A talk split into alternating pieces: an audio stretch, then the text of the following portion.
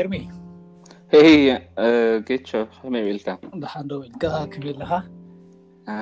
ደሓን እዩ ዘብል መስከን ስለዚ ያው ናብ ፕሮግራም ኖዝ ኢንፎከስ ስለምፃ ብጣዕሚ ደስ ኢሉኒ ኣሎ ክቡራት ሰማዕትና ምሳይ ድማ ፃኒሒት ዝገብር ሓው ኤርሚያስ ኣማረ ይኸውን ኤርሚያስ ኣማረ ምፍላጥ ዝኣክል ብሞይኡ ኣርክቴክት ኮይኑ ያው ኣብ ናይ ኢትዮጵያ ፖለቲካ ኢሉ እውን ናይ ትግራይ ድማ ብፍላይ ኣብ ማሕበራዊ ሚድያ ብዝተፈላለዩ ፅሑፋት ንፈልጦ ኣንቃሕቲ ዝኮኑ ፅሑፋት ብምድላው ኣብ ዝግበሩ ዝተፈላለዩ ናይ ሬድዮ ፕሮግራማት እውን ብዝተወሰነ መልክዑ ብምስታፍ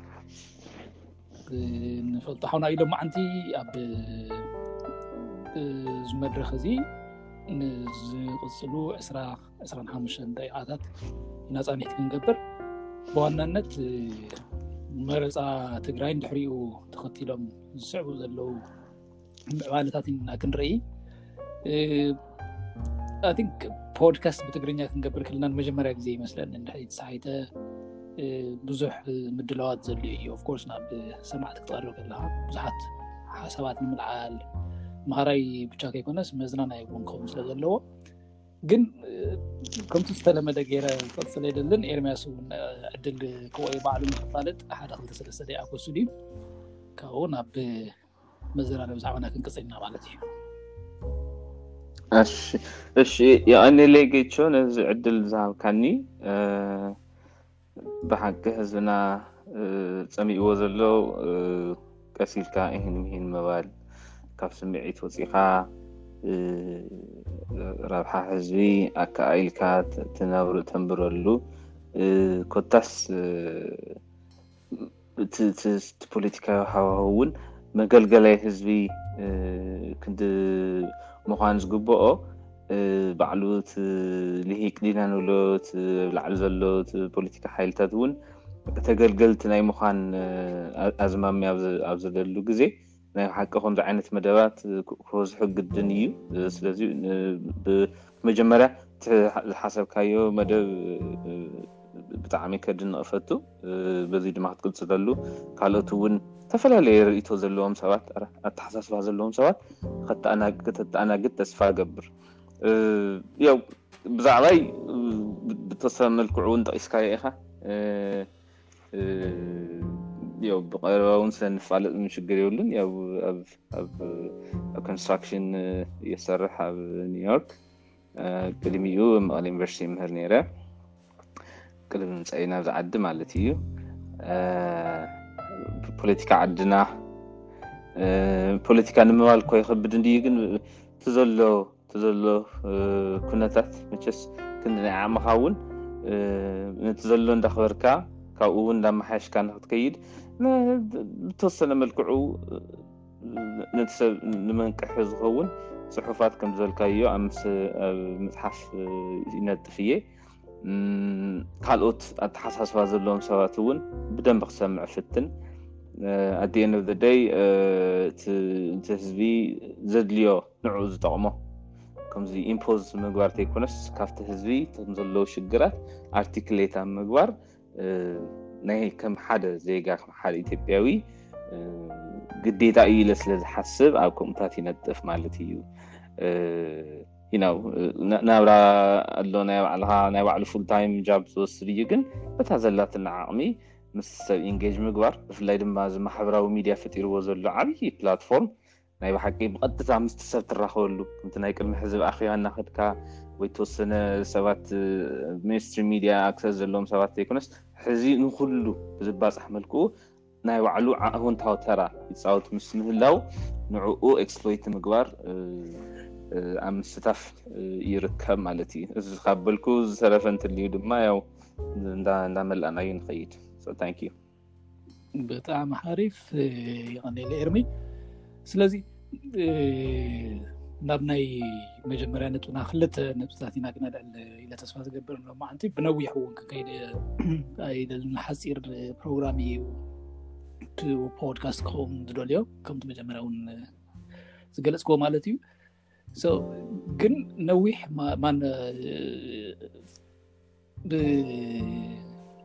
ብዋናነት መረፃ ትግራይ ክንርኢ ከለና ሕዚ መረፃ ቅድመ መረፃ ናይቲ መረፃ ኢሉ እውን ድሕሪ መረፃ ዝነበሩ ኩነታት ኩሉ ምግምጋም ኣይይከኣልን ኣፍኮርስ ብካሊእ ሰፊሕ መድረክ ስለዘድልዮ ማለት እዩ ግን ድሕሪ እቲ መረፃ ዝፍጠሩ ዘለዉ ምዕባለታት ከመይ ኢካ ትግምግማ ማለት ንኣብነት ሕጂ ኣብ ቀረባ እዋን ብዓርቢ ይመስለኒ እንድሕር ዘይተሰሓይተ ናይ ሃውስ ኦፍ ፌደሬሽን ናይ ኢትዮጵያ ዝሃቦ መግለፂ ነይሩ እቲ መግለፂ እሱ ያው ኣብ ትግራይ ዘሎ መንግስቲስ ሕጋዊ ኣይኮነን ሕጋውነቱ ዘይምኳን ብቻ ከይኮነ ያው እቲ ፌደራል መንግስቲ ስጉምቲ ክወስድ ይኽእል እዩ ዝተፈላለዩ ኢሉ ናይ ሕገ መንግስቲ ዝመስሉ ምዕባለታት ዘቐመጠሉ ነገራት ኣለው ከም መግለፂ ዝተዋሃበሉ ማለት እዩ ካብ ካብ ትግራይ ካብ ዝመፅእ ድማ ኣይ እቲ ፌደራል መንግስቲ ድሕሪ መስከረም 25 ሕጋዊ ስለዘይኮነ ትግራይ ኮነ ወይ ናብ ትግራይ ዝምልከቱ ሕግታት ተፈፃምነት ኣይህልዎምን ዝብሉ መግለፅታት ንርኢ ካብ ጌታቸው ረዳ ኣስመላሽ ወደስላሴ ካልኦት እውን ናይ ሕወሓት ላዕለዎት በዓል ስልጣናት ዝበሃሉ ማለት እዩ ሕጃን ናብቲ ናይ ሕግን ናይ ፖለቲካ ትንተንኡን ብዋናነት ከዓ ቱ ከይኮነ ከም ሕቶ ዘልዕሎ ዘለኹስ ድሕሪ መረፃ መረፃ ኣብ ትግራይ ምክያዱስ እንታይ ዓይነት ለውጢ ኣኸትሉ ኢልካ ዕዘብ ሕጂ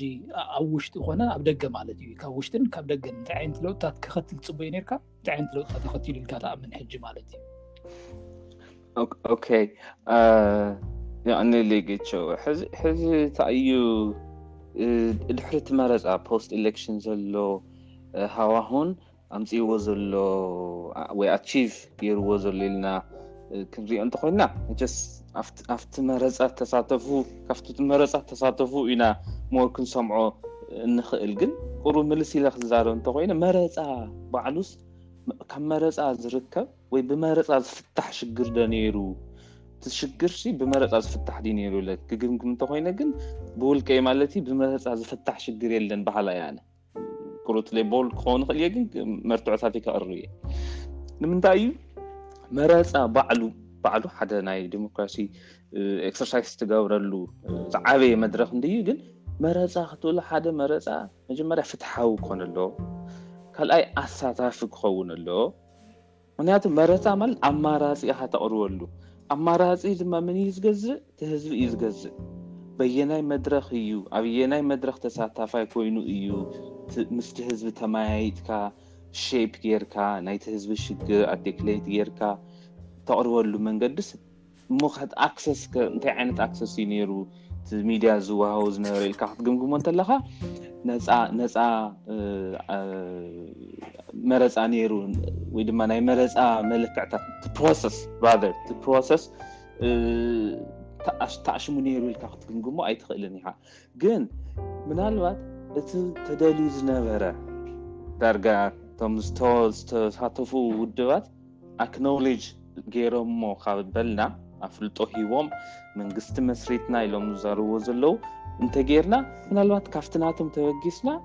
ዋላ ምስ ኩሉ ሕመቑሲ መረፃ ተገይሩ እዩ ኢሎም እዮም ዝገዝእዎ ዘለው ስለዚ ናታቶም ናታቶም ውሳነ ናታቶም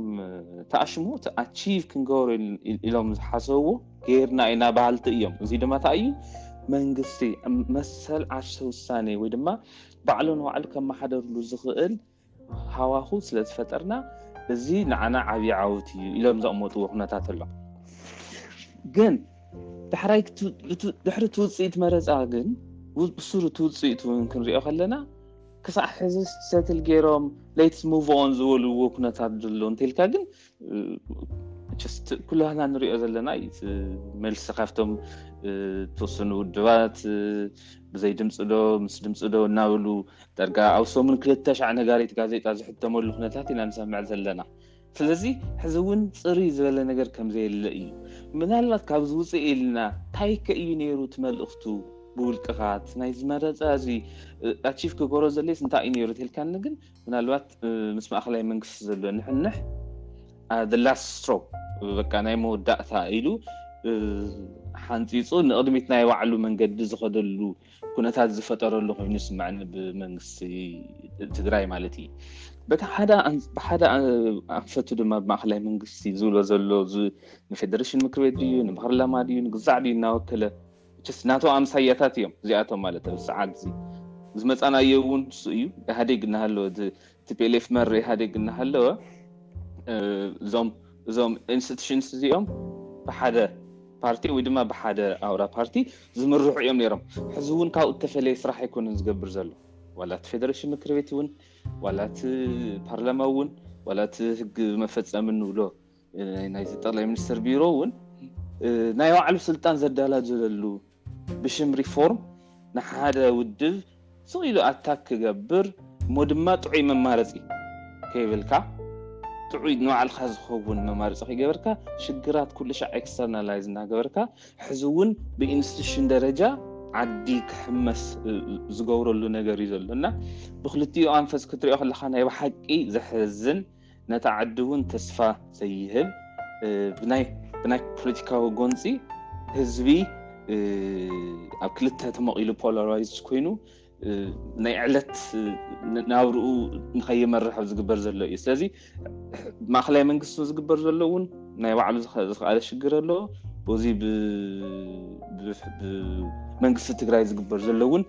ከምኡ ናይ ባዕሉ ሽግር ዝፈጠረ እዩና ኣቲ ኤንደብዘደይ እቲ ህዝቢ ዝረኸቦ ውፅኢት የብሉን። ንህዝቢ ዝኸውን ፍታሕ ኣይርእን ዘለኹ ሕዚ እውን ናይ ፖለቲካል ፖላራይዜሽን እዩ ዘሎ ኣብኡ እቲ ሰብ እውን ተጨፍሊቑ እዩ ዝኸይድ ዘለና ብኡ እየ ዝሪኦ ብሓፂሩ ኦኬ ፅቡቅ መብራሪ ኢካ ይብካ ግን ኣነ ሕጂ ሕጂ እውን ደጊመ ፕረስ ገብረ ግብረካ ዝደለኹ መረፃ ኣብ ትግራይ ተካይዱ ቅድመ መረፃ ድሕሪ መረፃ ትፅቢት ንገብረሎም ነገራት ነይሮ ንኣብነት ከም ዝበልካይስ ውሽጣውን ደጋውን ዝኮኑ ፀገማት ኣብ ምፍታሕ ትመረፃ ክንደይ ናይ ማት ድሕሪ መረፃ ምስ ተካየደስ ኣብ ትግራይ ዘሎ ኩነታት ምስ ፌደራል መንግስቲ ስግኣት ቀኒሱ ዶ እቲ ናይ ሴኪሪቲ ስግኣት ንኣብነት ቀኒሱ ዶ ናይ ኩናት ስግኣት ቀኒሱ ድዩ በቲ መረፃ ምክንያት መረፃ ምስ ተካየደ ሕጂ ስቲል ኩናት ድዮም ዘለዉ እቲ ናይ ውሽጢ ዘልዕልካዮም ናይ ዲሞክራሲ ናይ ኢንስቲቱሽን ቢውልድ ናይ ምግባር ኢንፋክት መረፃ ካብ ዝግበር ግና ክልተ ሰሙን ኣካባቢ እዩ ንድሕሪ ዝፀሓይተ ሰሙን ወይ ክልተ ሰሙን ኣካባቢ እዩ ዝኸውን ግን ከምኡ ዓይነት ኣንፈት የርእየና ኣሎ መረፃ ምክያዱስ ኣይንኳዓ ተካየደ ሰዮ ስለዝተካየደ ኢንስቲቱሽን መስሪትና ኣለና ኢንስቲቱሽን ስለዝመስረትና ድማ ደጋውን ውሽጣውን ፀገማትና ንፈትሓሉ ካፓሲቲ ፖለቲካል ኢንስቲቱሽናል ካፓሲቲ ትግራይ ኦውን ገይራ ኣለና ካብቲ ቅድሚ መረፃ ምክያዱ ዝነበረ ስታተስኮ ካብኡስ ወፂና ኢና ከብል ዝኽእል ዓይነት ድዩ ዘሎ ሕጂ ናይ ፌደራል መንግስቲ ዘለዎ ፀገማት ክንምለሰሉ ኢና ዋላ ብካልኦት ኣረስታት እውን ግን ኣብ ናይ ትግራይ ትኩረት ይገብር ስለዘለኹ ንግዚኡ ማለት እዩ ከምኡ ከብል ዝኽእል ዓይነት ሳዕቤን ኣኸቲሉ ድዩ ትመረፃ ኦር ሕጂ እውን ኣይኸተለን ሞራኡ ክትብል እንዳርኪኢልካ ንእሽተይ እወ ኣብቲ ኣብ ትግራይ ዘሎ እቲ መረፃ ዝተካየደ ብክልል ደረጃ ዝተካየደ መረፃ ምርግጋዕ ፈጢሩ ድዩ ከም ገሊኦም እውን ከም ሃገር መንግስቲ ትግራይ ሌጂትሜት መንግስቲ ዘሎ ኣብ ኢትዮጵያ ኣብ ትግራይ እያ ናብ ዝብል ምክንያቱ ብሰዓት ን ስለዝኸድና ብሰዓት ን መረፃ ስለዝገበርና ትሕጋዊ መንግስቲ ተዝዩ ዘሎ መንግስቲ እዩ ዝብል መደምደምታ ዝበፅሑ ይመስሉ እቶም ዝበዝሑ ውድባት ማለት እዩ ንዓይ ግን ንእሽትለይ ቁሩ ኣብኡ ከይሰማምዑ ዝገብረኒ ነገር እንታይ እዩ ብትግራይ ቤዚካሊ እቲ መሰረታዊ ኣፈላለይ እውን እየ ኢለ ዘቕምጦ ኣነዚ ማለት እዩ ትግራይ ተጋሩ ጥራይ ዝነብሩላ ክልል ኣይኮነትን ብቲ ሕገ መንግስቲ በቲሶም ሕገ መንግስቲ ኢሎም ዝዛረብዎ እውን ማለት እዩ እታ ትግራይ ወዲ ካልእ ብሄር እውን ዝነብረላ ክልል እያ ስለዚ ናይ ትኡ ዘሎ ህዝቢ ድምፂ ከም ምዕፋኑን ገይረ እየ ዝሪኦ ኣነ እዚ ከም ሰኮንድ ሲቲዝን ጌርካ ናይ ምርኣይ እውን እዩ ምክንያቱ መረፃ ክበሃል ተኮይኑ ሃገራዊ መረፃ ዘይብሉ ከም ሕመቁ ሕመቁ ከም ሕመቁ ከም መንግስቲ ብፁዕ መንግስቲ ክህሉን ኣብ ከይዲ እንዳኸድካ ተስተካከሎ ነገር እዩ ስለዚ ንበይነኻ ጌርካ እትሓስቦ መንግስቲ ምናልባት እቲ ናሶም ቅድሚ ሕዚ ዝሓስብዎ ዝነበሩ ዓይነት ሕልሚ ንዑ ሪያላይዝ ናይ ምግባር ዝኣቀዱ ኮይኑ ስማዕኒ ናብኡ ናብኡ መንገዲ ዝፀርገሎም ኮይኑ እምበር ሰላም ምርግጋዕ ቅሳነት ዝፈጥር መረፃ እዩ ኢለ ኣይኣምንሉን ኣነ ምናልባት እውን ምናልባት እውን ነቲ ዘሎ መንግስቲ ሌጂትመሲ ሂውስ ፓወር ኮንሶሊዴት ገይሩ ዘዝመፀ ኩሉ ምስ ናይ ደጋ ሓይሊ ኣብ ምረካብ ከም መኸተ ዝብልዎ ዓይነት ብኡ ጥራይ ንምርኣይ ተዘይኮይኑ ኣብ መሬት ተወሪዱ ሕዝውን ናይ ፖሊሲ ለውጢ የለን እቶም ዝነበሩ ሕመቃት ቅድሚ ሕዚ ንሳቶም ሕዝውን ኣለው እዮም እቲ ዝነበረ ኣይዲዮሎጂ እቲ ዝነበረ ቤዚክ ዝኾነ ስትራክቸራል ሽግር ሕዝውን ከም ዘሎ እዩ ብኣብታዊ ዲሞክራሲ እዩ ዝምራሕ ብወያናይ ዲሞክራሲ መሬት ፖሊሲ ኣይተቐየረን ሕዚ እውን መሬት ኤክስፓንድ እናተገበረ ንመልማዕቲ እናተባህረ ገባር ካብ መረበቱ ይፈናቐለሎ እዩ ሕዚ እውን ቅድሚ ሕዚ ገባር ገጠር መር ኢንዱስትሪ ዝነበረ ኮምፕሊትሊ እናተቐየሩ ኣብ ከባቢ ኣይናለም ዓበይቲ ህንፃታት ዓበይቲ ሪል ስቴት ክስራሕ ኣብ መደብ እዩ ዘሎ ኣብ ጮምዓ ዲቨሎፕመንት ፕላን እንታይ ክግበር ከም ተሓሰበ እውን ብወራወረ ንሰምዕ ኣለና ስለዚ እትዮም መብዛሕትኦም ናብ ከምዚ ዘእተዎ ሽግራት ሕዚ እውን ኢንፋክት ብኢትዮጵያ ደረጃ ዝነበረ ሽግር ኣብ ትግራይ ኣብ ትግራይ ተኣኪቡ ናብ ከቢድ ነገራት እውን ከእትወና እውን ዝኽእለሉ ኩነታት ዝፍጠር ዘሎ ሕዚ እዚ ዘብለኒ ምክንያት እንታይ እዩ እዚ ናይ ቅድሚ ሕዚ ዝነበረስ ኣብ ፖሊሲ ተይኮነስ ኣብ ኢምፕሊመንቴሽን እዩ ዝብሉ ግጉይ መረዳእታታት ይኸድሉ ስለ ዝነበሩ ሕዚ ካልኦት እዮም በር ንሕና ከምዚ ብፅዓት ኢና ንሕና ከምዚ ኢና እናበሉ ዝኸድዎ መንገዲ ስለ ዝኾነ ግን ፍታሕ ዱን ሰም ቲንግ ግን ዲፍረንት ሪዛልት ምፅባይ ከምዚ ኢንሳኒቲ ንብሎ ማለት እዩ ናብ ከምኡ ዓይነት ዝኸይድ እዩ ዝመስለኒ እምበር ዝመፅእ ለውጢ ዝህሉ ኣይመስለንን ምናልባት እዚ ናይ ባዕለይ ናይ ውልቃዊ ርእቶ እዩ ኣብቶም ውድባት ክሪኦም ከለና እውን ኢቭን ገገሊኦም ሓንሳ ኣንሳ ያው ስዊንግ ይገብሩ እዮም ቅዋሞም ከም ንሪኦም ዘለና ገሊኦም ዋላ እውን ይጋለበጡ እዮም በቲ ውፅኢት እውን ንባዕሉ ንድሕሪ ተመሊሶም ገሊኦም ጌጋ እዩ ዝበሉሉ ኩነታት ኣሎ ገሊኦም እውን ጭራሽ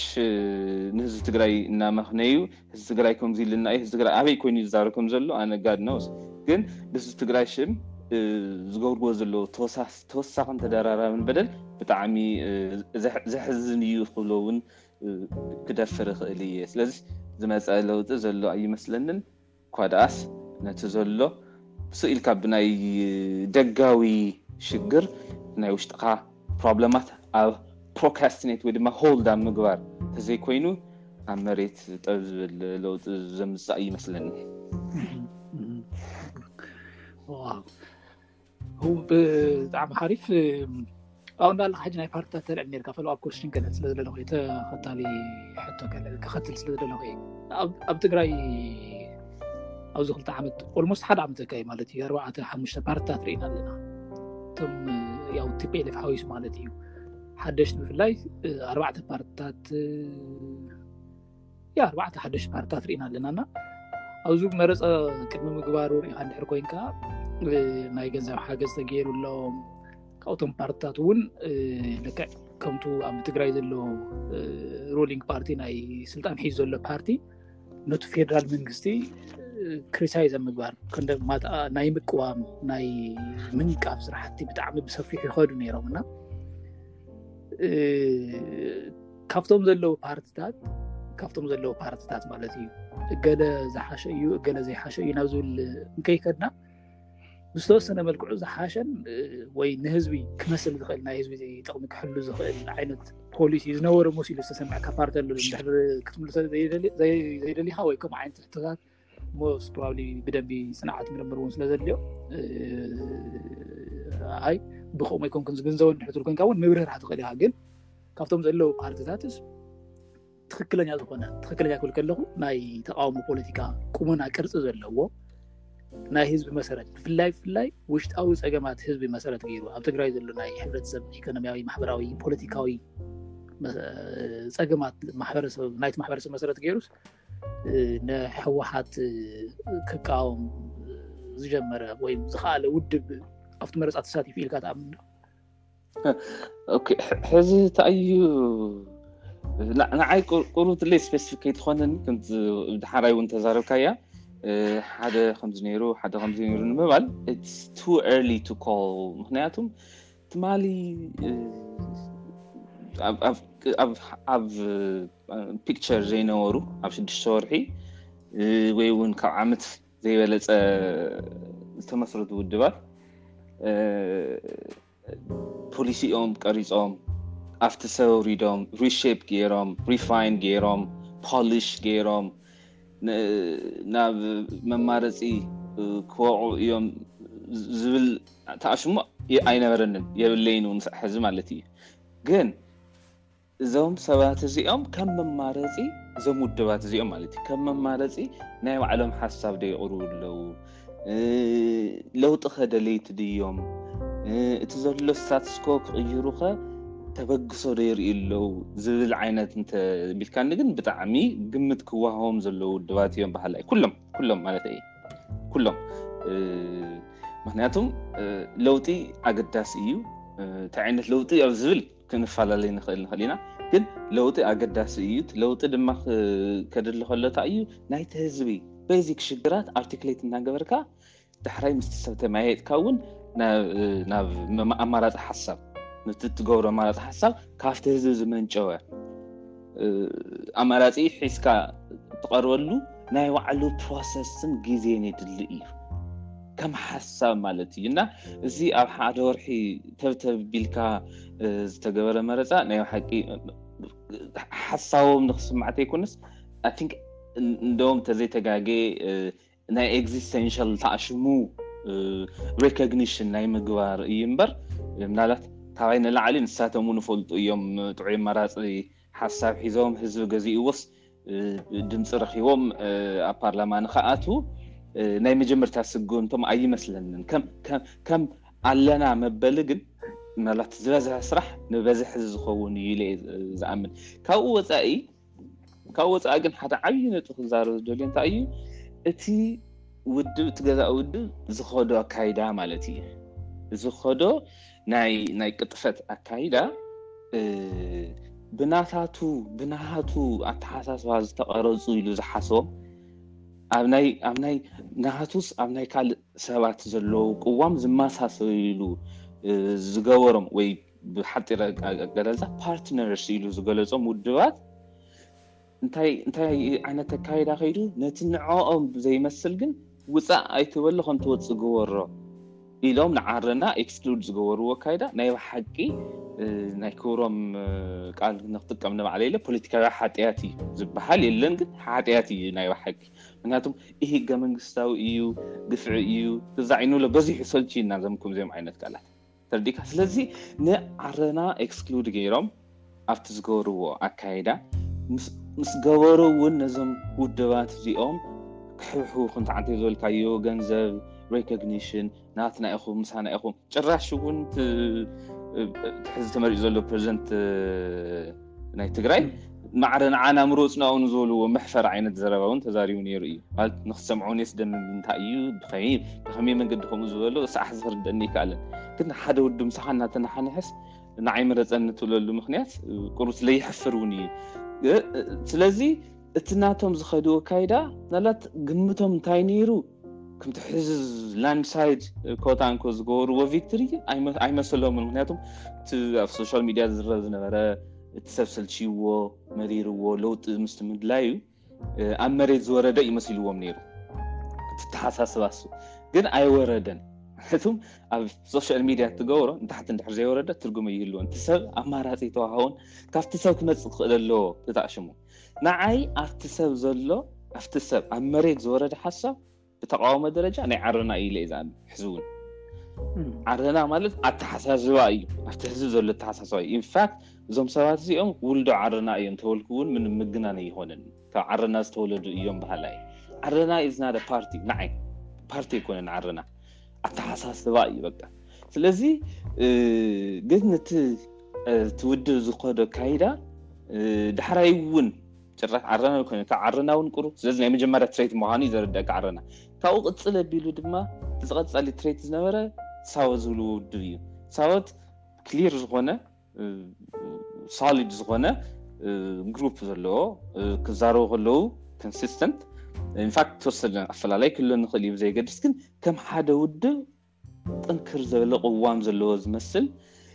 መበል ካልኣይ ትሬት ምስቲ ምኳኑ ድማ እቲ ዝነበሩ ፀለመታት ክደሞ ይደልን እየ ግን ኣብ ኣለማቶሎጂ ኢልና ተሕፂርናዮ ብከምኡ ዓይነት ኣካይዳ ዝኸዱሉ ማለት እዮም ኣብቶም ካልኦት ዝተገበረ ፀለመ ይነበረ ነዝተውዕልካዮ ተኾንካ ስለዚ እታኣይ ዘረደአኒ እዚ ካብ ዓረና ቀፃሊ ሳወት ሰከንድ ትሬት ከምዝኾነ ነቲ ዘለ ውድብ ካብኡ ቀፂሉ ግን ቶም ካልኦት ውድባት ሬስኪ ዊንግስ እውን ክብሎም ክእል እዮ ብፍላይ ውናት ማለት እዩ ናይ መጀመርያ ነዚ መረፃ ረክብናዩ ዝገበረ ንሱ እዩ ናይ መጀመርያ ንሕወሓት ኳዕዲ ስብለክ ዘለ ንሱ እዩ ስለዚ ሕልሞም ሞር ዩ ክሎዘር ትሕወሓት ካብ ምንታይ ክንከይድ ንኽእል ኢና ብድሕሪ ተጀሚርና ዓረና ሳወት ባይቶና ውናት እናበልካ ትኸይድ ትኽእል ኢኻ ማለት እዩ ብኡ ገይረ ከወዳድሮ ምኽእል እየ ካብኡ ሓሊፉ ግን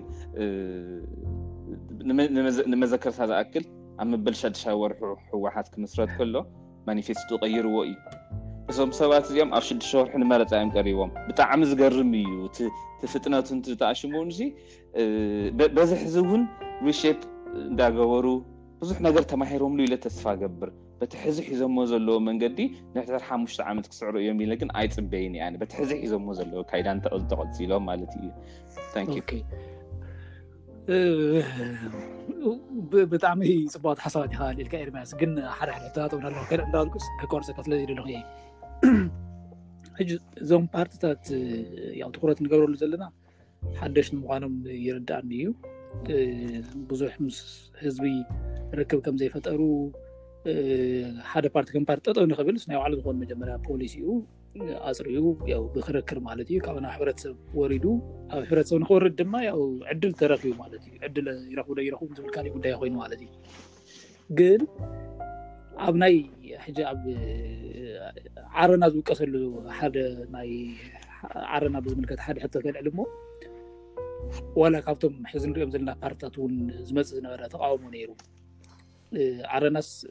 ወይ ናይ ዓረና ናይ ፖለቲካ መራሕቲ ብዝተወሰነ መልክዑ ናይቲ ህዝቢ ሓሳብ ኣየንፀባርቁን ይብሉ ነይሮም ሓደ ሓደ ሽሞም ክጠቕሶም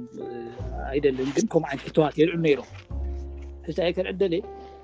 ሓደ እቲ መልዕሊ ስልጣዊ እዮም ረክቦሞ ካልኣይ ድማ ሕዚ ንሳቶም ናብቲ መረፃ ምስ መፁ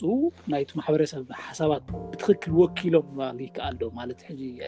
ጆን መሊሰ ሕቶ ከይደግም እምበር ንኣብነት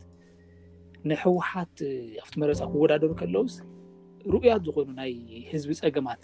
ደፊርካ ምልዓል ከም ዓረና ናይ ተቃውሞ ስብእና ነይርዎም ዶ ንኣብነት ክብል ከለኹ ናይ መሬት ሕቶ ከልዕሉ ከለውስ በቃ ሲልካ ሰማይ ሰማይ ድዩስ ኦር ቱ ትክክል ቱ ገባር ዝጉደሎ ዘሎ ናይ መሬት ብቻ ኣይኮነን ማይዘወይ ኢኮኖሚክ ራይትስ ብፍላይ ናይ ማሕበራዊ ናይ ኢኮኖሚ ተጠቃምነት ኣብ ትግራይ መፁ ዘሎ ለውጢ ብትክክል ናይ ምግምጋም ዓቕሚ ከምኡ ዓይነት ነገራት ነይሩ ድዩ ውናት ብዝምልከት ያው ካልእ ዳሕራይ ሕቶ ከኸትለልካ እየ እሺ ሕዚ ከም ህዝቢ ወይ ድማ ከም ክልል መቸስ ነቶም ሽግራት ንክትፈትሕ ኣፕሮች ኢካ ትደሊ ብናይ ዓድና ዝራርባ ኣይዲኦሎጂ ፖሊሲ ኢካ ትብል ው ግን ትህዝቢ ትህዝቢ ማለት እዩ ከም ህዝቢ ኣብቶም ኣይዲኦሎጂ ወይ ዘይርድኦ ቋንቋታት እዮም እዚኣቶም ጃርገንስ ነቲ ህዝቢ ማለት እዩ ህዝቢ ቤዚካሊ ዝድልዮ ብሬድ ን ባረር ከመይ ገይሩ ደቁ ብሰላም ናብ ድሌቶም ኣብ ድሌቶም ከባቢ ክነብሩ ክሰርሑ እቲ ዝግበር ዘሎ ብመንግስቲ ብፖሊሲ ተደጊፉ ዝግበር ዘሎ ላንድ ግራብ ህዝቢ እውን እናተፈናቀለ ከርተት ዝብል ዘሎ ንብረቱ ሓዳሩ ደቁ ዝባታተን ዘሎ ከምዚኦም ብዛዕባ ኣንኤምፕሎይመንት እናተማሃረ መሃንዲስ ኣነ ኣብቲ ሞያ ስለ ዘለኹ እዩ መሃንዲስ ተባሂሉ ስራሕ ዝስእነሉ ዓዲ ናይ ሓቂ የደንግፅ ዝኾነት ንእሸለ ሴፕቲክ ታንክ እውን ክልተ ሰለስተ ሴፕቲክ ታንክ ሱፐርቫይዝ ገይሩ ሰሪሑ እውን ብዙሕ ነገር ስድርኡን ክዕንግል ይኽእል ብዙሕ ነገርን ክገብር ይኽእል ከምዚኦም ዓይነት ነገራት ኣይተፈጠረን ቤዚክ ሽግር ናይቲ ህዝቢ እተይኮኑ ውጊዖም ዘለው ኣብ ለላዕሊ ለላዕሊ ኣብ ኣይዲዮሎጂ ሶሻል ዲሞክራሲ፣ ባይታዊ ዲሞክራሲ፣ ልምዓታዊ ዲሞክራሲ ኣብ ከምዚኦም እዮም እቲ ዘሕለፍዎ እና ምናልባት ጭቡጣት ድዮም ኣብኡ ናሉ ክንቃጥለካ ስለ ደለኹ እምበር ጭቡጣት ድዮም ኸን ኣብነት ሕዚ ባይታዊ ዲሞክራሲ ክትብል ከለሃስ ሶሻል ዲሞክራሲ ገለገለ ክንከራኸረሉ ንኽእል ንኸውን ጭቡጥ ድዩ ንህዝቢ ምጭብራር ይኸውን ኣሎ ኣብነት ሕዚ ናይ ህወሓት ዲቨሎፕመንታል ስቴት ቲዮሪ ክብሉ ከለዉ እቲ ሓሳብ ንፍተዎ ይንፍተዎ ብዘየገድስ ጭቡጥ እዩ። ኣብ ዓለምና ኣሎ ዶ የለን ካሊእ ኣፍኮርስ ኣሎ የዋፀና ድዩ ክንፈላለ ንኽእል ኢና ኣነ ንስኻ ወይ ንካሊእ እውን ማለት እዩ ባይታዊ በጋጣሚ ስለ ዘልዕልካ እየ ባይታዊ ዲሞክራሲ ሕጅስ ጭቡጥ ድዩ ድዩስ ሓዱሽ ኖሽን እዮም ዘፋልጡና ዘለዉ እንድሕር ከምኡ ኮይኑ ከ እቲ ኖሽን ንሱስ ከመይ ጌርና ኢና ክንፈልጦ ነቲ ማሕበረሰብ ከመይ ገይሮም እዮም ከፍልጥዎ መኪሮም ኢንፋክት ኣብ ኣቁሩ ንምዝራብ ባይታዊ ዲሞክራሲ ዝበልዎ ዳሕራይ እውን እናመሓየሽዎ እዮም ኣይ ቲንክ ብጣዕሚ ብዝገርም ማለት እዩ ባይታዊ ልምዓታዊ ዲሞክራሲ እዩ እቲ ልምዓታዊ ዲሞክራሲ እቲ ፖሊሲ እዮም ዲቨሎፕመንታል ስቴት እዩ ባይዘወ ግልፂ ከም ዘቐመጥዎ እቲ ኢምፕሊመንቴሽን እቲ ቱል ግን ሪቮሉሽናሪ ዲሞክራሲ እንተይኮነ ኣብታዊ ዲሞክራሲ እንተይኮነስ ባይታዊ ዲሞክራሲ ኢና እዮም ኢሎም ዝዛረቡ እምበር ፖሊሲ እዮም ብግልፂ ተዛሪቦም እዮም ናይ ልምዓታዊ ዲሞክራሲ ከም ዝኾነ ሓደ ካልኣይ እቲ ብዛዕሚ ዝገርም ማለት እዩ እቲ ኦን ጎ እቲ ከምቲ ዓንተይ ዝበልካ ፖሊሽ ከይተገበረ ዝመፀ ሓሳብ ኢቭን ኣብቲ ፅሑፎም እውን ዘየለ እዩ ከም ዝሰማዕክዎ ክእረመሉ ፍቃደኛ እዩ ክሳብ ዝሕዝ ዘለኒ ፍልጠት ግን ኣብቲ መፅሓፎም ዘየለ ኣብ ፖሊሲኦም ዘየለ ብዛዕባ ኮንፌደራል ዝብል ዳሕራይ ዘምፅዎ ሓሳብ ናይ ኮንፌደራል ቱ ሰሴሽን ዝብል ተኣሽምኦም የለን ኣብቲ ፅሑፎም እና ኣብ መንጎ ዘምፅዎ እዩ ስለዚ እንታይ እዩ ላንጋ ላንጋ ዝተረፈ ተሓሳስባ ይመስል ሓደ ንድሕሪ ተሪፎ ምስ ኢትዮጵያ እውን ክኾኑ ይደልዩ ክሳብ ዓቕሞም ዘደራጅ ማለት እዩ ድሕረይ ዓቕሞም ሰደራጅ መጨረሻ ኢንድ ጎሎም ናብቲ ናይ ሰሴሽን ናይ መኻዲ እዩ ከም ፈደራል ዝብል ንፋት ብቶም ናይ ካልኦት ማሕበራ ኣባላት እውን ተጠይቆም ነይሮም እዮም ከምኡ ዝብል ነገር ከምዘይብሎም እየ ኣነ ዘለን መረዳእታ ስለዚ እዚ እንታይ ኣክለካ ደለ ሓሳብ ችግር የብሉ ክሬዚ ኣይድያ ስትዛረብ ኢካ ጭንቀት እውን እዩ ብዙሕ ዘዛረበካ ኣይ ሪስፔክት ም ከምዚ ብምዝራቦም ግን እንታይ እዩ ዘድሊ ምስ ህዝቢ ወሪድካ ምስ ህዝቢ ተመያየጥካ ካብቲ ህዝቢ ዝመፅእ ነገር ድማ ወሲድካ ኦፕን ዲስከሽን ኣብ ዘለወሉ ነተዓፈኑ እዮም ዝነግሩና ዘለዎ ሰዓት ህፁፅ ኣኬባ ጌርና ይብልካ ገለ ጌርና ይብልካ ኢትስ ኣንፎርችኔት በቲ ዝነበረ ትረንድ ናይቲ ቲፔሌፍ ትረንድ እንዳወሰዱ ዝኸዱ ዓይነት ከይኾኑ እዩ ዘስገእኒ ዘሎ እምበር ርእሶም ፅቡቅ እዩ ጂንየስ ቆልዑት ኣለውዎም ብፍላይ ኣብ ሳወት ዋላ ኣብ ባይቶና እውን ለውጢ ደለይቲ ሰባት ኣለው እዮም ፋክት ባይቶና ማለት ኮቱም ዝበዝሑ እቶም ቀንዲ ኣብ ዓረና ዝነበሩ ንፉዓት ቆልዑት እዮም ሰዚስ ቀለልቲ ሰባት ኣይበሃሉን እዮም እንታይ እዩ ትሽግሩ ልክዕ ኣብ ከምዚ ዓይነት ኣማራፂ ሓሳብ ምስ ኮነ ቁሩትለይ ናይ ክላሪቲ ላክ ኦፍ ክላሪቲ ዘለዎ ዓይነት ኣካይዳ ይመስል ኢቨን እውን ፕራክቲካል እውን ኣይኮነን ምክንያቱም ብዙሓት ከም ተዛረብዎ ትናታቶም ሓሳብ ኢምፕሊመንትድ ክኸውን ካንስቲሽኑ መቀየር ኣለበት እዩ ዝብል ክቅየር ኣለዎ ነቲ ካንስቲሽን ከይቀየርካ ትገብሮ ነገር የለን ብኣንፃሩ ድማ እቲ ብዙሕ ሰብ ዘይድግፎ እቲ ብዙሕ ሰብ ዘይድግፎ ግን ሕገ መንግስታዊ መሰለ ኢሉ ዝኸይድ ናይ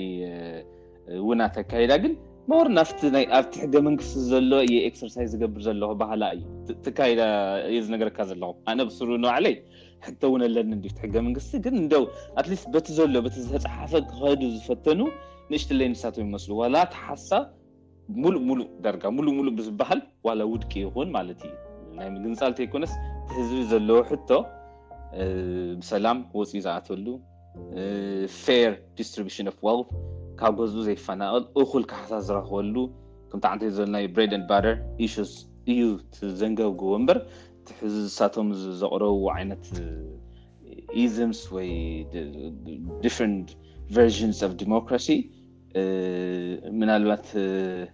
ፍላክ በረወርስ ለግዠሪ ክኸውን ይኽእል እዩ ስለዚ እንደም እንታይየለዩ ኣነ ሓደ ሓደ ሻዕ ቅድሚ ሕዞን ዝፅሓፍክዎ ዝነበርኩ እንታይ እዩ ኣብ መንጎ ኢሊት ዝግበር ዘሎ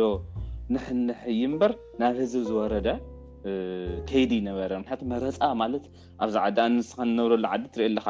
ክንደየናይ እቲ ህዝቢ ኢንቮልቭድ ከምዝኸውን ክንደየናይ ናብ ህዝቢ ከምዝወርድ መጨረሽኡ ድማ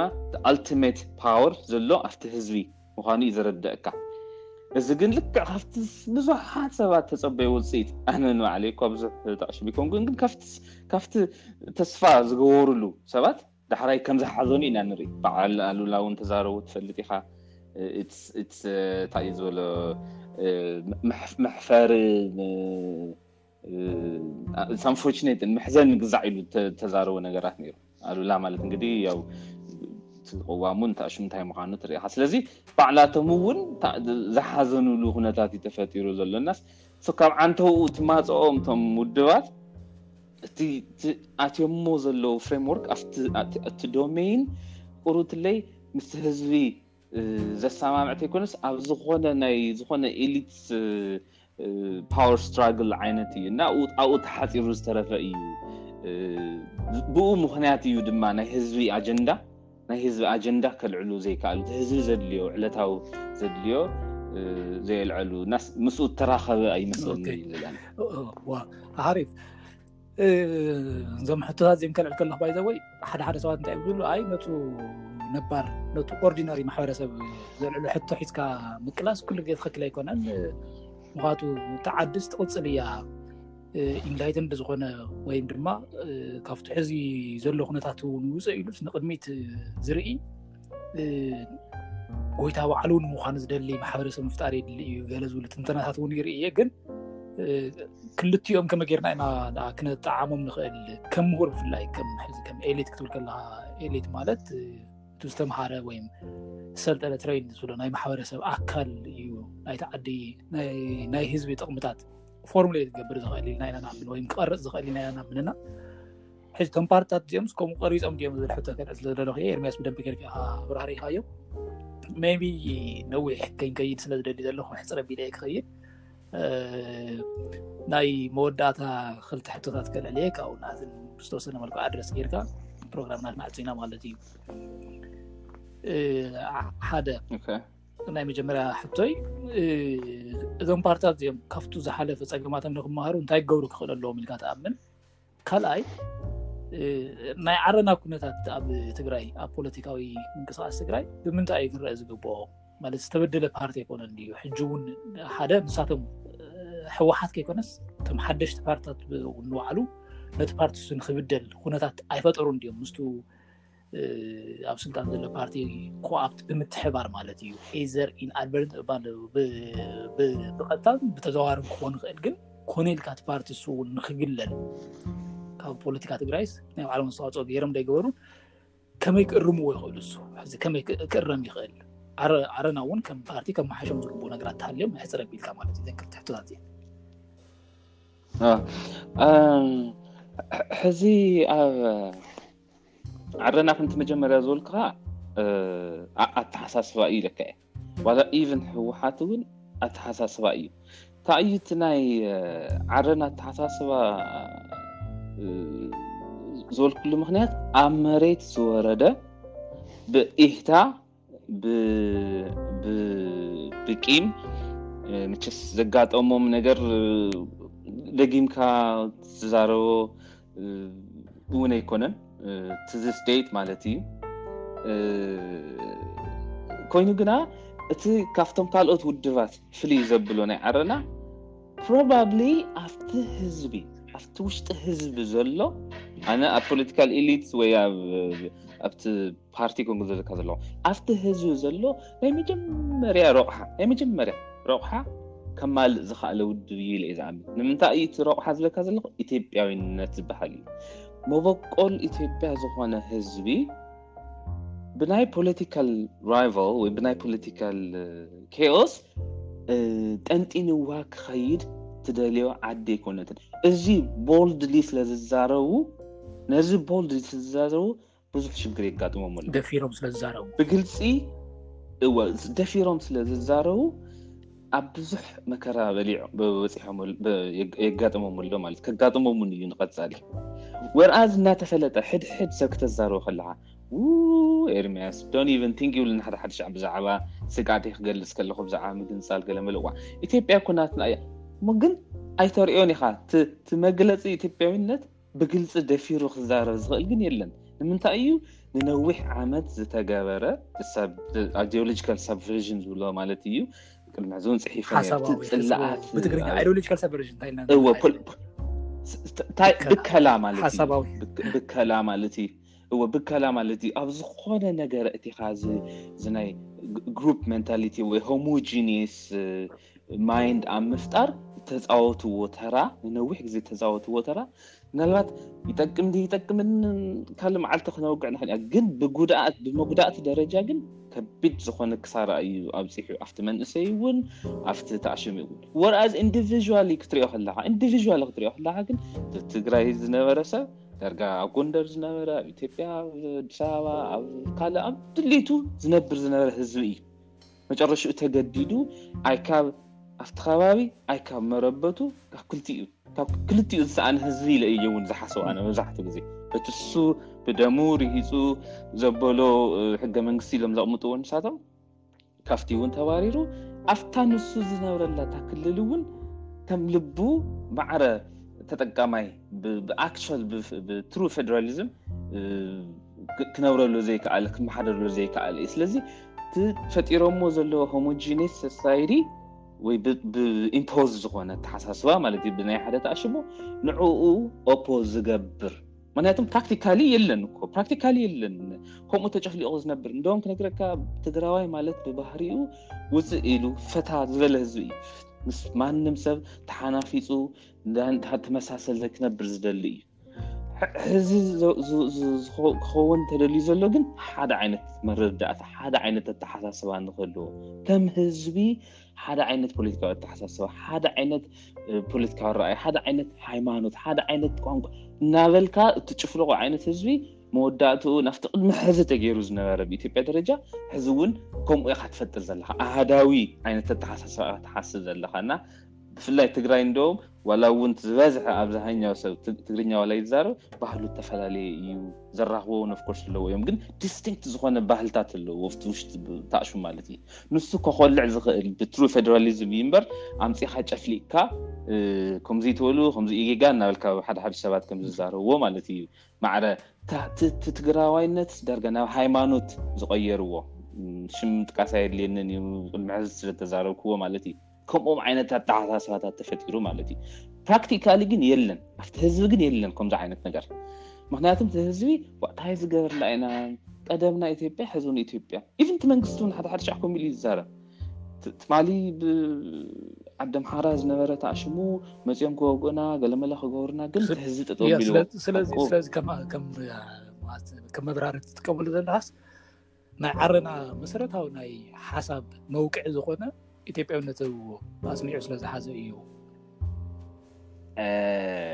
እቲ ናይ ኢትዮጵያዊነት ኣብቲ ህዝቢ ኣብቲ ሬግላር ህዝቢ ሓንቲ ነጥቢ ድማ ክውስኸልካ ምናልባት ናይቲ ህዝቢ ምኳኑ እዩ ናይቲ ህዝቢ ምኳኑ ቅድሚ ሕዚ መን ሽማ ኢንተርቪው ትገብሮ ንመሓር ዮሃንስ መድህን ገብረስላሴ ማለት እዩ ሰብ ብዙሕ ይዛረብ ሓፂዮን እዚኣ ንዓና ትኸውን ኣይኮነትን ፖለቲካሊ ኣነ ትግራዋ እዮ ኢትዮጵያዊ ኮንኩን ብዙሕ ነገር ይዛረብ ኢላ ምስ ሰምዐቶ ግን ትንስኻትም ተሓስብዎ ምግንፃል ትብልዎ ሲ ኣብቲ ህዝቢ ዘሎ ዛዕባ ድዩ ትብላ ተዲካ ኣይ ኣብቲ ህዝቢ እኳ ኣሎ ኢለ ይኣምነክን ስለዚ ከም ሓደ ፖለቲከኛ ናይቲ ህዝቢ ፃምእ ድሌት ተስፋ ንዕኡ ሼፕ ጌርካ ናብ ፖለቲካ ብርእቶ ኣለም መዊልካ ንዕኡ ንክተገልግለሉ ኢካ ክትገብር ዘለካ ምበር ኣምጺኻ ብደገ ኢምፖዝ ትገብረሉ እዚ ናይ ውሽጣዊ ኮሎኒ ናይ ኣተሓሳስባ ኮሎኒ እዩ ክብሎ ይኽእል እያ ምክንያቱም ኣይትገብሮን ኢኻ እቲ ህዝቢ ለባም ህዝቢ እዩ ካብ ማንም ዝንእስ ኣተሓሳስባ የብሉን ኳ ዳኣስ ክንደይ ሳፈር ዝገበረ ህዝቢ እዩ ሕዚ እውን መፂኻ ኤክስፐሪመንት ትገብሮ ህዝቢ ኣይኮነን ህዝቢ ትግራይ ኪድ ጠይቅ ትማሊ ንግሆ ንኣዲስ ኣበባ ዝኸዱ ቆልዑት እንታይ ይብሉ ኣለዉ ሕዚ ክድውለሎም ከለኹ ትግራይ ይኸይዱ ኣለዉ ትኸዱ ድኹም ዘለኹም ንሕና ኣ ናበይ ክንከይድ ደቅና ከዙ እዮም ንሕና ማ መኸድና ይብልኻ ኬዝ ቶም ቆልዑት ዓዶም እዮም ንሳቶም ውን ዓዶም እዮም ኣብቲ ዘለዎ ዓዶም እዮም በ ስለዚ ትምክእኣል ኣብቲ ናይ ምክእኣል ቶለራንስ ኣብ ውሽጣዊ እውን ምስቲ ናይ ደገ ሓይሊ እውን ተኸኣኢልካ ኣብ ምንባር ብጣዕሚ ብጣዕሚ ትሑት ስራሕ ከምተሰርሐ እዚ ክብለካ ከለኩ ሙሉእ ሙሉእ ኣብ ትግራይ ዘሎ ፖለቲካል ካልቸር ይወቅሰሉ ይኹ ማለት ይኮነ ማዕሩ ማዕርኡ እውን እቲ ብካሊእ ዘሎ እውን ከምኡ እዩ ዝደፍእ እምበር ዝሓቁፍ ኣይኸውንን ዘሎ ግን ምናልባት ዝበሰሉ እዮም ኢለ ስለ ዝሓስብ ይቕረ ተባሂልካ እውን ዝተወሰነ ጊቭ ኤንድ ቴክ ጌርካ ተኸኣኢልካ እትነብረሉ ኩነታትን ክፈጥሩ ዝኽእሉሉ ዕድላት እናምለጦም ስለዝመፁ ሕዚ ናብቲ ሕዚ ዘለናዮ ቅልውላው ንኣቱ ኣለና ኣንፕረዲክተብል ናይ ብሓቂ ኣንፕረዲክተብል ዝኾነ ኩነታት እዩ ተፈጢሩ ዘሎ እናስ እቲ ናይ ዓረና ከምኡ ዓይነት ኣቋም መሓዞም ነቲ ናቶም ከሰግምዎ ዝደልዩ ሆሞጂነስ ወይ ድማ ሄርድ ሜንታሊቲ ንዕዑ ዕንቅፋት ስለ ዝኾኖም እዩ ግን ኣብ መሬት ክንወርድ ከለና ግን እቲ ሰብ ብኢትዮጵያዊነቱ ዝደራደር ህዝቢ ከምዘይኮነ ሓደ ርሰንት ክዛረበካ ክእል ቴንኪ ኤርሚ እታ ናይ መጀመርያ ሕቲ ሓንቲ ኣኡ ኣለካ ኣድረስ ግበራ ሞ ካብኡ ክንውዲ ማለት እዩ እቶም ፓርታ እንታይ ክገብሩ ኣለዎም ሕጂ ዝሓሸ ነገር ንክመፅእ ኣብ ትግራይ ብፍላይ ፍላይ እቶም ክሕሹ ይኽእሉ እዮም ንውደናነት ተለምዶ ተመሳሰ ወያነ ባይቶና ዋት ኤቨር ይኹን ብቻ ካብቲ መረፃስ ተማሂሮም ድሕርቲ መረፃ ዘሎ ኩነታት ገምጊሞም እንታይ ከም መፍትሒ እንታይ ክኸተሉ ኢካ ትመክር ወይ ተተሓስቦ ሕፀረ ቢልካ እወ ምናልባት በዚ ሕዚ ብዙሓት ነገራት ክገብሩ ሽኢለ እየ ዝፅበ ምክንያት ስ ን ቢግኒንግ ድሕርቲ መረፃ ሲ በዚ ሕዚ ዘሎ እዮም የመና ክንሪኦም ንኽእል ምናልባት ከም ርእቶ ግን ክገብርዎ ዘለዎም ኢለ ዝሓስብ መደባቶም መደባቶም ጥንክር ብዝበለ ህዝቢ ንክገዝኦ ኣብ መንጎ ኢሊት ጥራይ ዝተርፍ ሓሳብ ገዲፎም ናብ ህዝቢ ክወርድ ዝኽእለሉ መንገዲ ካልኣይ ካብቲ ህዝቢ እውን ምስቲ ህዝቢ እናተረከቡ እውን ካብቲ ህዝቢ ዝደልዮ ኣርቲክሌት እናገበሩ ነቲ ናተን ፖሊሲ ቁርትለ ሼፕ ዝገብርሉ ብሳልሳይ ደረጃ ድማ ብሳልሳይ ደረጃ ድማ ረብሓ ትግራይ ኢሎም ብፍላይ ገሊኦም ዝዛርብዎ ማለት እዩ ረብሓ ትግራይ ዝብልዎ ረብሓ ትግራይ ጎቦ ድዩ ሩባ ድዩ ገለ ዘይፍለጥ እንድሕር ነቲ ሰብ ኮይኑ እቲ ሰብ ኣብ ትግራይ ጥራይ ኣይኮነን ዘሎ ትግራዋይ ኣብ ካልእ ቦታ እውን ኣሎ እዩ ፈዲካ እንድሕር እንድሕር ንተጋሩ ጥራይ ኮይኖም ኣብ ኩሉ እዮም ዘለዉ ረብሓ ትግራይ ጥራይ ንትግራይ ዝብልዋ እንተኮይና ድማ እታ ትግራይ ተጋሩ ጥራይ ይነብሩላን እዮም ኣምሓራይ እውን ኣሎ ኦሮሞ እውን ኣሎ መምሃራን ከለዉ እዮም ደቆም ሃይስኩል ዝሰዱ መምሃራን ከለዉ ናይ ዩኒቨርሲቲ ኣነ ዝፈልጦም ዝግብሩ ከለዉ ገዛ ዝገዝኡ ድፋይን ዝተገበረ ድዩ ብምንታይ ኢና ንገልፆ ኣነ ባይዘወይ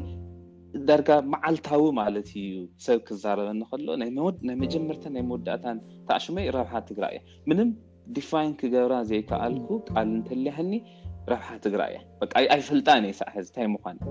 ምክንያቱም ኣይትፈልዮን ኢካ ረብሓ ትግራይ ክትብል እንተኮይንካ that region has to be independent ኢኮኖሚካሊ ኢንተርዲፐንደንት ኮንካ ሕዚ እውን ካብ ፌደራል ተመፅዋት እናኮንካ ኣብ ትሕቲ ሓንቲ ሃገር እናኮንካ ረብሓ ትግራይ ኢልካ ተኣሽሙ ትገብረሉ ብጣዕሚ ሓደገኛ እውን እዩ ከይነስፋሕ እምበር ኤርሚ ኣብ ዓለምና ኢንዲፐንደንት ዝኾነት ረብሓኣ ኢንዲፐንደንትሊ ባዕላ ንባዕላ ክተኽብር ትኽእል ዓዲ ኣላ ድያ ኣብ ስሩ I think ኣብኣ ንእሽትለይ ምናልባት ንዕኦም በነፍት ዳውት ክህቦም ኢንዲፐንደንትሊ ላንድ ሎክድ ዝኾነት ንበይና ሰልፍ ኮንቴንድ ማለቶም ኣይኮነን እኮ ረብሓ ትግራይ ሲ ሸኻሉ ትግራይ ዝገበረ ባዕሎም ዘመሓድርሉ ዓርስኻ ንባዕልኻ ምሕዳር እዩ ባይዘወይ ብጣዕሚ እውን ኤክስትሪም ይኸዱ እዮም ጭራሽ ትግራይ ልምዕቲ ህድእቲ ቅስንቲ ኮይና ሲ ኩሉ ትግራዊ እውን ኣብ ትግራይ ዝነብረሉ ዓይነት ኣተሓሳስባ እውን ኣምቢሽስ ዝኾነ ኣተሓሳስባ ኣለዎም እዩ ንእሽትለ ይገድድ እዩ ትታእሽሙ ግን ከምቲ ስኻ ዝበልካይታ እዩ በዚ ሕዚ ግሎባላይዝድ ኣብ ዝኾነሉ ዓለም ኬድካ ኩሉ ነገር ትገብሮ ብኢንተርነት ወይ ብኢዚ ትራንዛክሽን እናገበርካ ኢማጂን ዳርጋ ዓሰርተ ሃገራት ናይ ወስት ኣፍሪካ ሕዚ ናይ ፈረንሳይ ገንዘብ ገዲፈን ናይ ባዕለን ገንዘብ መስሪተን እየን ካብ ዝገርመካ ስለዚ በይንካ እትኾነሉ ነገር የለን ኣብዚ ዓለም እቲ ናቶም ደፊኒሽን ሕዚ እውን ኣነ ንእሽለ ቤነፊት ዕዳት ንክዎም ብዝናቶም ንፁር ኣይኮነ ረብሓ ትግራይ ዲፋይን ከይገበሩ ግን ዲፋይን ዝተገበረ ኩላና ንስማዕማዓሉ ዓይነት ኣተሓሳስባ ኣብ ትግራይ ከም ዘለዉ ዘረድኡና ኤሊት ማለት እዩ ገይሮም እዮም ኢኻ ትብል ዘለካ ምና ዘይተሳሒተ እው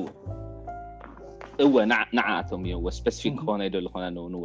ንዓኣቶም እቲ ከምኡ ዓይነት ኣተሓሳስባ ዝሓስቡ ስለዚ ረብሓ ትግራይ ማለት ብብዙሕ ምክንያታት እኮ ኣብ ኣዲስ ኣበባ ጎንደር ኣብ ግዛዕ ዝነብር ትግራዋይ እኮ ኣሎ ሕዚ እውን ክነብር ዝደሊ ዝተዋልደ ዝተዋሰበ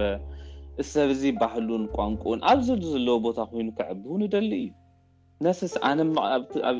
ኣነ ትግርኛ ፅሕፍ ዝጀመርኩ ኣነ ኣሜሪካ ካብ ዝመፅ እዩ ኣይተማሃርኩም ብትግርኛ ግን ትግርኛ ፈቱ ብጣዕሚ ኣብ ኣሜሪካ እዩ ዘለዋ ጓለይ ትግርኛ ፀቢቃ እያ ትዛረብ ኣብ ኣሜሪካ እናሃለኹ ማለት እዩ ስለዚ እቲ ቋንቋን ባህልን ኣብ ሓደ ቦታ ተወሲኑ ይኸውን ክተዕብዮ እንተደሊኻ ኣሶሲሽን ሰለዉ ናይ ብዙሓት ነገራት ኣብ ካልእ ቦታ ኣብዚ ዓዲ ጁስ ኮሚኒቲ ብሩክሊን ወይ ኣብ መንሃትን ኣለው ኣብ ደገ ኮይንካ ውንስ ትገብሮ ትኽእል ኢኻ ስለዚ ንሳቶም ክሓሱ ዘለዎም ኢለ ዝኣምን መጀመርያ እቲ ረብሓ ትግራይ ዝብል ዲፋይን ክገብርዎ ኣለዎም፣ ኢንክሉሲቭ ክኾኑ ኣለዎም፣ ኣኮመዴት ክገብሩ ኣለዎም ነቶም ኣብኡ ዘለዉ ሰባት እንታይ ምዃኑ ተዲካ ኣብ ትግራይ እንዳነበረ ዝነብር ጋሻ ኮይኑ ዝነብር ሰብ ልቡ ኩልሻዕ ምስ ነቐለ እዩ ሰጋእ ኢሉ እውን ኣይሕግዘካን ኣብ ልምዓት እውን ኣብ ግዛውን ኣይሕግዘካን ካብኡ ወፃኢ ድማ እታ ካልኣይቲ ብሄርተኝነት ዝብልዋ ማለት እዩ ሕዚ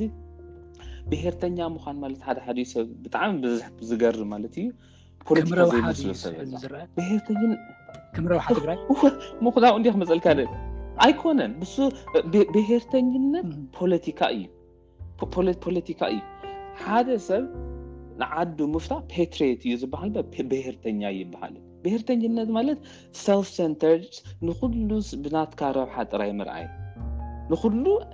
ዋላ እውን ናይቲ ካልእ ንረብሓኻ ንዓኻ ጥራይ ተዘይኮይኑስ ኩሉ ሻዕ ኣንፃርካ ከምዝኾነ ምርኣይ ዝኾነ ናይ ባዕሉ ዘለዎ ተሓሳስባ ናይ ብሄርተኛ ተሓሳስባ እዩ እዚ ድማ መጨረሽኡ ኣብ ላዕሊ በፂሑስ ብሄር ፖለቲካ ተባሂሉ ኤትኒክ ፌደራሊዝም ኢሉ መጨረሽኡ ኣስራሕ ዝወዓለሉ ኩነታት እዩ ሕዚ ሓደ ውድብ መፅኡ ህወሓት ብሄርተኛ ኣይኮነትን እያ እንተልኒ ምናልባት ናይ ብሄርተኝነት ደፊኒሽን ሪቪዚት ክገብሮ ኣለዎ ኢለ እዩ ዝኣምን ኣነ ምክንያቱ ጥዕና ዘለዎ ነገር ኣይኮነን እቲ ብሄርተኝነት ንተወሰነ ነገራት ተሓቕፈሉ እዩ እበር ኣብ ብሄርተኝነት በፅሕኻ ኣብ ብሄርተኝነት በፅሕኻ ከባብያዊነት ኣቮይድ ትገብረሉ መንገዲ የለን ድሕሪ ስኻ ብሄርተኛ እየልካ ኣነውን ከባብያዊ ክለካ ክእል እዩ ስለዚ ናትካ ብሄርተኝነት ልክዕ ናተይ ከባቢያውነት ጌጋ እዩ ክዝልኒ ይትኽእል ኢኻ ምክንያቱ እዚኦም ኣተሓሳሰባት እዚኦቶም ፀበብቲ ተሓሳሰባ እዮም ትሩ ፌደራሊዝም ኤክሰርሳይዝ እይትገብር ሕዚ እውን ናፍቲ ናይ ኣሃዳዊ ተሓሳሰባ ናፍቲ ጨፍሊቅካ ናይ ምሓዝ ኣካይዳ እዩ ዝኸይድ ዘሎ ንፋት ሓደ ሓደ ሰባት እዮም ዝብሉ ብሄርተኝነት ኢምፔሪያሊዝም እውን ይብልዎ እዮም ምስሕፋሕ እዩ ናይ ባዕሉ ዝኸኣለ ጀሚልካ ናይ ምሕሳብ ካባኻ እተፈለየ ወጻኢ ንዝሓስብ ኣሻቑሪርካ ናይ ደገ ሰብ ባንዳ ዶ ብዛዕዶ እናበልካ ኢኻ ትሓስቦ እና ሪሊ ምናልባት እውን ክጎድኦም ኢለ ዝሓስብ ኣነ እታ ናይ ብሄርተኝነትን እታ ናይ ረብሓ ትግራይ ነው ዝብልወን እዚኤን ንፅር ዝበለ ተኣሽሙ እንዳገበሩ ክኸዱ እዮም ዝብል ኣለኒ እና እርግፀኛ እየ ንሳቶም እውን ካብዚ መረፃ ዝተማሃሩሉ ክህሉ ይኽእል ኢለ ተስፋ ገብር ንሱ እውን እዩ ድማ ንቐፃሊ ተኣሽሙ ኣብ መወዳእታ ክውስኻ ዝደሊ ኣብ መወዳእታ ክውስኻ ዝደሊ ኣተሓሳስባ ከንቴጅስ እዩ ኣተሓሳስባ ዝኾነ ሓሳብ ክትሓስብ ከለኻ ኣብ ኢትዮጵያ ዝተገበረ ሓሳብ ናፍተን ዝማዕበለ ዓድታት ዋላ እኳ ይንበል ኣብ ኣፍሪካ ሃገራት ኢምፕሊመንት ክገብርዎ ክእሉ እዮም ንምሳሌ ኣብ ሳውት ኣፍሪካ ኡቡንቱ ዝበሃል ኣተሓሳስባ ነይሩ ኣነስ ንስኻ እውን ዘለኻዮ ኢኻ ኣነ ንስኻ እንተኸዓ ኢልና ንነብረሉ ዝብል ናይ ሳውት ኣፍሪካ ኢንፋክት ብመንሽሙ ግዜ ተኣታትዩ ፅቡቅ ለውጢ ዘምፀ ማለት እዩ ኢምፕሊመንት ተገይሩ ፅቡቅ ለውጢ ዘምፀ ብናይ መንዴላ ግዜ ማለት እዩ ስለዚ ነቲ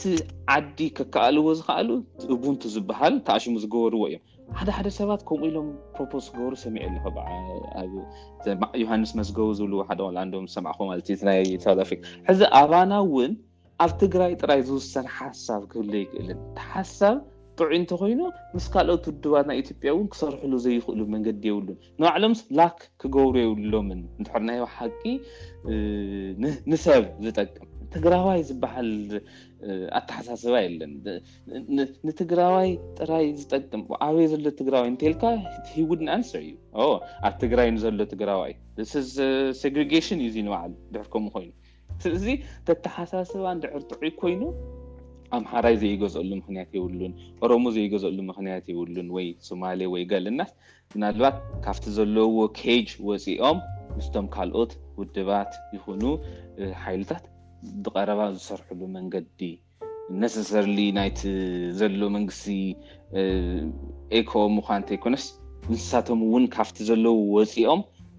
ብሃገር ደረጃ ፅራሕ ንግቦም እንታይ ደረጃ ከም ዘብፅሑ ይፍለጥን ስለዚ ንባዕሎም ተዘየንእሱ ንባዕሎም ሎካላይዝ ተዘይገብሩ ኢለ እየ ክመክሮም ዝደሊ የቀኒለይ ኤርምያስ ናይ ሎማዓንቲ ፕሮግራምና በዚ ክዛዝሞ እየ ብጣዕሚ ፅቡቃት ሓሳባት ተልዕል ነርካ ብዝበለፀ ድማ ሰማዕትና እንዳሚፅኩም ርእቶታትኩም ከም ትልግሱና ተስፋ ገብር ብድምፂ ቀሪፅኩም ምልኣኽ ትኽእሉ ኢኹም ርእቶ መፅሓፍ ሸር ምግባር ካልኦት ነዚ ሓሳብ እዚ ኣይ ኤርምያስ ትኽክል ኣይኮነ ኤርምያስ ዘልዕሎም ሓሳባት ብዝተወሰነ መልክዑ ኣነኣት ክመያየት ኢደሊ ዝብል ሓይማ ሰብ እንድሕር ሃልዎም ክነሳተፍ ኢና ካልኦት ፕሮግራማት ዋፃለት ንምስራሕ ንምክር ኢና ንሎማዓንቲ ግን ኤርምያስ ብጣዕሚ ከመስግን ይፈቱ ብሓፂር እዋን ኢካ ከይተዳለካ ንፃውዒት ተቐቢልካ ናብዚ ፕሮግራም ዝመፅኻ ብጣዕሚ የቐኒየለይ ክብል ይደሊ የቐኒየለይ ጌች ኣነ እውን ዝሃብካ ንዕድል ከም ዝበልካዮ ነፃ ኮይና ክትዛረብ ዝመስለኒ ተኣሽሙ ክገብር ስለዝፈቐድካለይ ክብረት ይሃበለይ ካልኦት እውን ዝመስሎም ንክዛረቡ ስለዝሃብካዮም ትዕድል ስለዝሃብካዮም ምናልባት ክጥቀምሉ ኣነ እውን በዚ ኣጋጣሚ